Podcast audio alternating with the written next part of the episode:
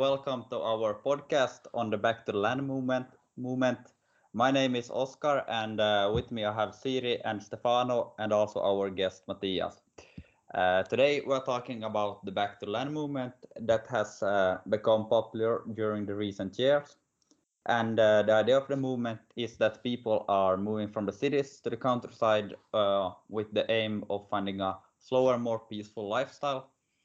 Uh, also, the term ecopreneurship is often linked to the movement, and it means that uh, people who are gaining this ecopreneur mindset make a drastic change in their profession and start to run an organization that serves uh, their new values and make an impact on the planet and its well-being through uh, more sustainable actions. Yes, and today we have the honor to welcome Matthias Hanley from Sweden with us. And Matthias is here today to tell us about their change of lifestyle and how he and his wife ended up in taking part of, of the Back to the Land movement and moving from Stockholm, Sweden to the countryside. Uh, welcome, Matthias, and thanks for coming. We're so glad to have you here. Uh, could you please tell us shortly about your story and your move to the countryside and maybe the factors affecting your decision? Mm, yes, sure. Uh, first of all, I just want to thank you for having me. It's really nice to lending my voice out to the ear holes of your listeners. Um, we moved from the capital of Sweden, Stockholm, uh, that has roughly 1 million inhabitants, to a small village. Uh, I actually didn't even know where the village was located when we moved, uh, or when we went up for the first time. Um, there is about 20 uh, year-round inhabitants in this small village. So we uh, made quite a drastic move. In in Stockholm, we lived in a semi-detached house with uh, that um, that um, area had over 300 apartments. Today, uh, we live in the nearest village here is Ramsele, and there's almost as many inhabitants in Ramsele as it was in the small area that we lived in in uh, the southern of Stockholm. Just to put things in pers perspective. Uh, in Sweden, uh, I listened to to a lecture. Uh, there was a bank there that was talking about the amount of people moving out from from urban areas to rural areas. And they claim that there's a, about a thousand families per year that are moving from the cities to the glesbygd, as we call it in, in Swedish. Uh, glesbygd is when you have at least 45 minutes ride by car to uh, to a city with at least 3,000 inhabitants. So Glesbygd is uh, is quite um, it is very well defined. For our part, it all started when I uh, attended a community college uh, where we lived at a farm for a year. So we moved in at the farm in January and moved out in December. And that farm was as self-sustainable as you can be in Sweden today. I mean, we bought detergent, we bought um, coffee, we bought uh, spices, we bought uh, um, petrol, and so on. Uh, but everything we ate was bred or farmed on the farm. Um, we kept we we were taught the old ways of doing things. Um, with that, I mean, we, we didn't focus on diesel or electricity to do the chores. So we cooked our food on uh, wooden stoves. Um, there were 12 students living at the farm the whole year, and then we had uh, volunteers. So from time to time, we were about 40 people on the farm. Um, we had cows, we had sheep, we had uh, chickens, we had pigs.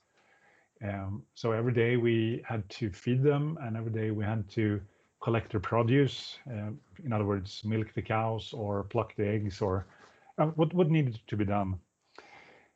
And during that year, I realized that I wanted to quit my old life as an entrepreneur, as an um, uh, business advisor, as a customer service representative. Um, I wanted to do something different with my life so I could grow my own food, so that I can breed my own food, uh, and that I could create sustainable ecosystems. um, or life-worthy ecosystems. So we started. One day, my, my wife came down to the farm. This was in the southern of Sweden, and she came down down to visit, and she was there for one day. And then the next time she visited, she was there for three days. And then the next time she visited, she was there for about five weeks. So she also enjoyed the, the rather slow lifestyle. You know lifestyle where you don't see any commercials or uh, get pumped with um, buying influences all the time. Because everything we did was on the farm. So we didn't see um, we, we didn't go to the store we weren't we weren't uh, subjected to buy this now buy three for two and all that stuff that you see in the stores and we realized that this is a lifestyle that really suits us uh, in many ways. Um, it is not as loud as the city lifestyle is. It is not as fast paced and hectic as the city lifestyle is. Uh, but also, it is this lifestyle is more about doing what you can when you have to and be satisfied with what you did. So we're not, uh, my days aren't full with emails and SMSs and meetings it is full with um, feeding the the sheep's, um, cuddling with the with the baby goats, uh, feeding the pig, stuff like that. But we moved from from Stockholm. Um, we found. I'm, just going to make a long story short. We found an ad in um, the Swedish version of Craigslist, the Blocket. Uh, it was an ad with uh, three hectares of land um, up Per Albin uh, Torp. There's a typical uh, house in Sweden. Um, and it was um, set up so that we use uh, wood for heat and hot water. When we came here, we visited the first time roughly in February of 2020. And when we came here, and when we drove here, rather, uh, we didn't know where we were going because we just typed in the address in in uh, in Google and that the Google lady take us there, and we realized that we're like way off from everything. We're at the we're at the actual end of a gravel road, and everything was just perfect. Um, there was three acres of land, and it was about 80 centimeters of snow. Uh, so when we bought it, we, we didn't we didn't know how the land was at all. We just knew that it was a uh, a little scuffy house, uh, a beautiful house that's taking good care of us, and some land. And we dove right into it. So um, the driving factors was basically us wanting to change the city lifestyle, us wanting to know the names of the animals that the meat and milk and eggs come from, and also knowing uh, what kind of produce do we do we eat? How how where has it grown? How was it harvested? Um, and from that, we've set up our homestead. Uh, we've been living here. It's soon to be two years. It's like three months away. And now we have honeybees, we have geese, we have ducks, we have uh, hens, we have turkeys, uh, we have goats and sheep and pigs. So there we are today. Yeah, very okay. nice. Yeah, very interesting. Thank you. Yeah, definitely. Yeah, thank you for change. Yeah. Thank you for sharing your your story. And now we have some questions for you. So, if I understood well, um, uh, you were uh, drive by a will to be a ecopreneur, but uh, are you happy now to contribute to a more sustainable world, or did you want just to escape from the stressful life of a city like Stockholm? That is a good question. I would say that uh, ecopreneur is a really good word. Um, this is actually the first time I've heard it, but it is a really good word. And most of the people living in the rural parts of Sweden are ecopreneurs in one way or another. because there is no such, such thing as self-sustainability. We can be as self-sustainability as, as possible, but I have uh, I, am not good with uh, engines and cars, but I have a neighbor that is excellent with it, and I happen to be good on other stuff that he's not quite as good at. So we complement each other. So there is um, a good way of being an eco entrepreneur in the rural parts of Sweden. Uh, that wasn't the drive for us, to be honest. Uh, the drive was more to slow down, downsizing, to to say uh, another buzzword, downsizing and slowing down our lifestyle. That was the the biggest part for us in the beginning. Yeah, and then uh, we were also wondering, like, what do you think? Uh, what are the most concrete things regarding sustainability or climate change uh, you think you can change or at least affect through your own actions? Well, I believe that everybody is responsible for their own actions. So if you don't want to change, if you want to live your life as you do today, you should live your life as you do today. If you have that itch or that urge or that um, depression that you want to do some kind of change, you should pursue that change. Even if it's, I mean, it might be start a business or buy a new car or um, set up your own homestead. But there's everybody, uh, it's a cliche, but everybody can do something. Uh, and everybody can do their part. But I see it as, for me and our lifestyle, we're we're actually we we are quite uh, active on social media, for example, but we're not active on social media to get followers or to get likes, because if just one person gets inspired by our our actions, that is so fulfilling for us. But still, we're living this life because we want to live this life. We're not living this life because we want others to, to change.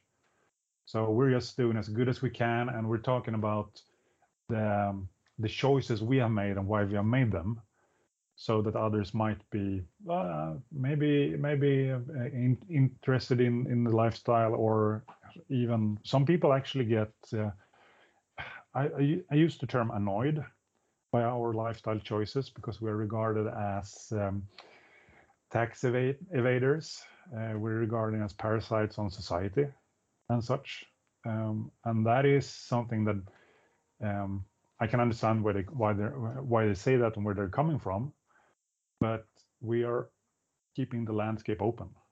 We are contain we are contributing to a living landsbygd, keeping the, the rural areas going. And I do believe that we are creating ecosystems that will survive humanity. Yes, thank you.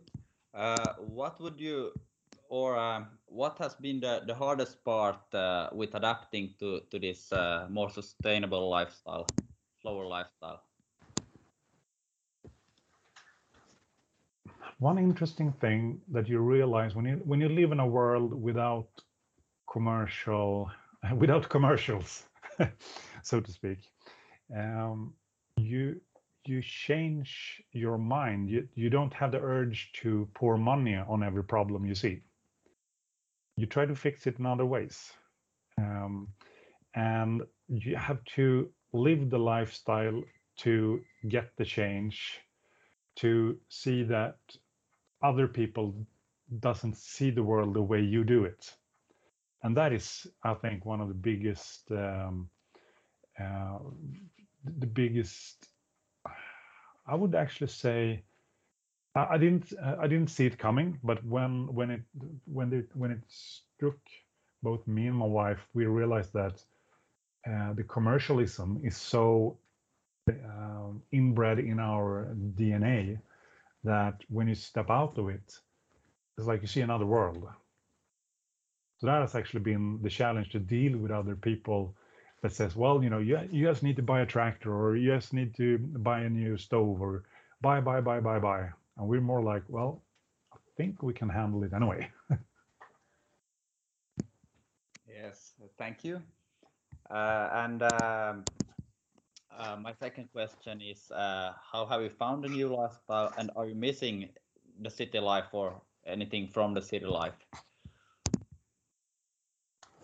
That's a good question. Um, start with, I'm not going to remember both questions, so I'm starting with the last one.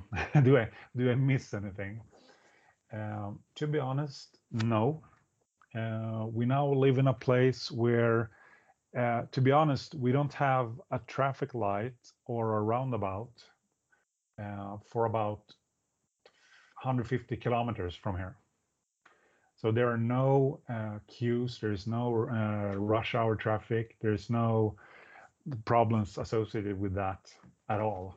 Um, so that's one thing I'm not missing. Um, one thing, another thing, sometimes I would like to take uh, to eat sushi, um, and we have that about, um, I think it's 100 kilometers from here. So um, that is basically what I'm missing because when we lived when we lived in Stockholm, we lived 15 minutes from the biggest ICA store in Sweden. Uh, that ICA store is so big that they have their own sushi store within the store. They have uh, they have a doctor's uh, office, they have a pharmacy, and they also had a Starbucks within the store. So that is how big that store is. Um, here in Ramsele, if I combine all the the, stores we have, well, we have we have a gas station, we have Systembolaget or Alko, as it's called in in Finland. Uh, we have a pizzeria, we have um, a hotel, uh, and we have a small ICA boutique and a small ICA store. So um, the differences are so uh, mind blowing that is it is so cute to come to the to the Systembolag in in um, because we during Corona we limited the number of people that could be in the store at the same time. In our Systembolag, we can have five people in the same time. So it's I mean it is really small. It's like it's like a Pressbyrå or a 7-Eleven. It's not actually the most Pressbyrås and 7-Elevens are bigger than our Systembolag. Um, so sushi is probably thing I'm missing from um, from uh, the city life. What was the other question? Uh, it was it was related to, to that. It was um, how you have found a new lifestyle, uh, and uh, yeah. Yeah, well, um, the joy of eating your own produce that is undescribable. Uh, when, when we harvested potatoes for the first time, just the feeling of picking up those i was pretty big chunks of potatoes. They were super big but just picking them up was such a joy uh, so fun and just cooking with the stuff that you have produced um, even if it's meat or if it's vegetables or or grains that that is uh, so unbelievably fulfilling that you basically need to experience it to understand it. Okay thank you Yes, and then actually my last question, so it was about um, this, how did you learn to run a farm? But I think this pretty much comes from your youth. Did I understand right? Well, um, I learned how to run a farm uh, the year in 2019, to be honest. Uh, that is when I when I lived at the farm. Uh, before that, I was basically a city rat, buying all my stuff in the stores. Um, but also have learned it from uh, museums. Uh, I also learned it from older books, uh, books from before the First World War, between the world wars. They describe the non-mechanized um, farming in so, such ways that you can actually use them today as well. Um, and also just by doing um, it is for for for most people that run a farm, their parents lived on the farm and their grandparents lived on the farm, so they know when to uh, when to put the potatoes in the ground. They know when to harvest. They know what they should grow and how much. We there's to be honest, the for the last 50 years, nobody has grown anything in the land here. So what we're we're doing now is that we're trying to activate the soil, get all the microorganisms and mushrooms and and worms and bugs and stuff just so that the soil starts living. because when the soil is living, we can put harvest on it so that we can produce what we need. When you ask me in about four years, we probably will know how much potatoes we need to grow to eat our own potatoes year round. Yeah. Thank you. Uh, my last question may be useful for us and for the listener. Um, me and maybe other people don't want to have this radical change in our life, but can you suggest some small action or small changes in our habits to be more sustainable? Yeah, I actually have two ideas. One is uh, super radical, um, and that is to create a place for children to grow stuff. Uh, so that when they're, they are in uh, daycare uh, or in preschool or in school, they all have a small lot where they can grow vegetables. Uh, that is because if you learn to appreciate what comes from the soil, you start caring about the soil, you start caring about the ecosystem. Uh, but for us that are adults, it's too late. so there I would say, start to grow something fun. Uh, I mean, lots of people they grow some chilies or peppers or uh, lettuces, something. Just grow something you don't have to start with one acre of potatoes because that's too much. But you can actually grow potatoes on your balcony. You can do it in a, a black bucket and just uh, some some soil in the in the bucket and watering it from from time to time, and then you can produce your own pot potatoes. And that is just to start growing things is a way of appreciating nature and understanding that maybe buying all we need isn't the solution maybe producing what we need could be a solution. And I think that's a really, uh, really big game changer because that's why why I want uh, children to be, uh, I, I, shouldn't say brainwashed, but I would say introduced to the idea that the soil is what we need to take care of. Um, and that is maybe the most important thing we have. So um, one small step is to grow stuff you like and that you think is funny to see. you should enjoy it. That's basically my message. And the other is to um, start with having growing classes or um, uh, vegetable learning seminars in school or something like that.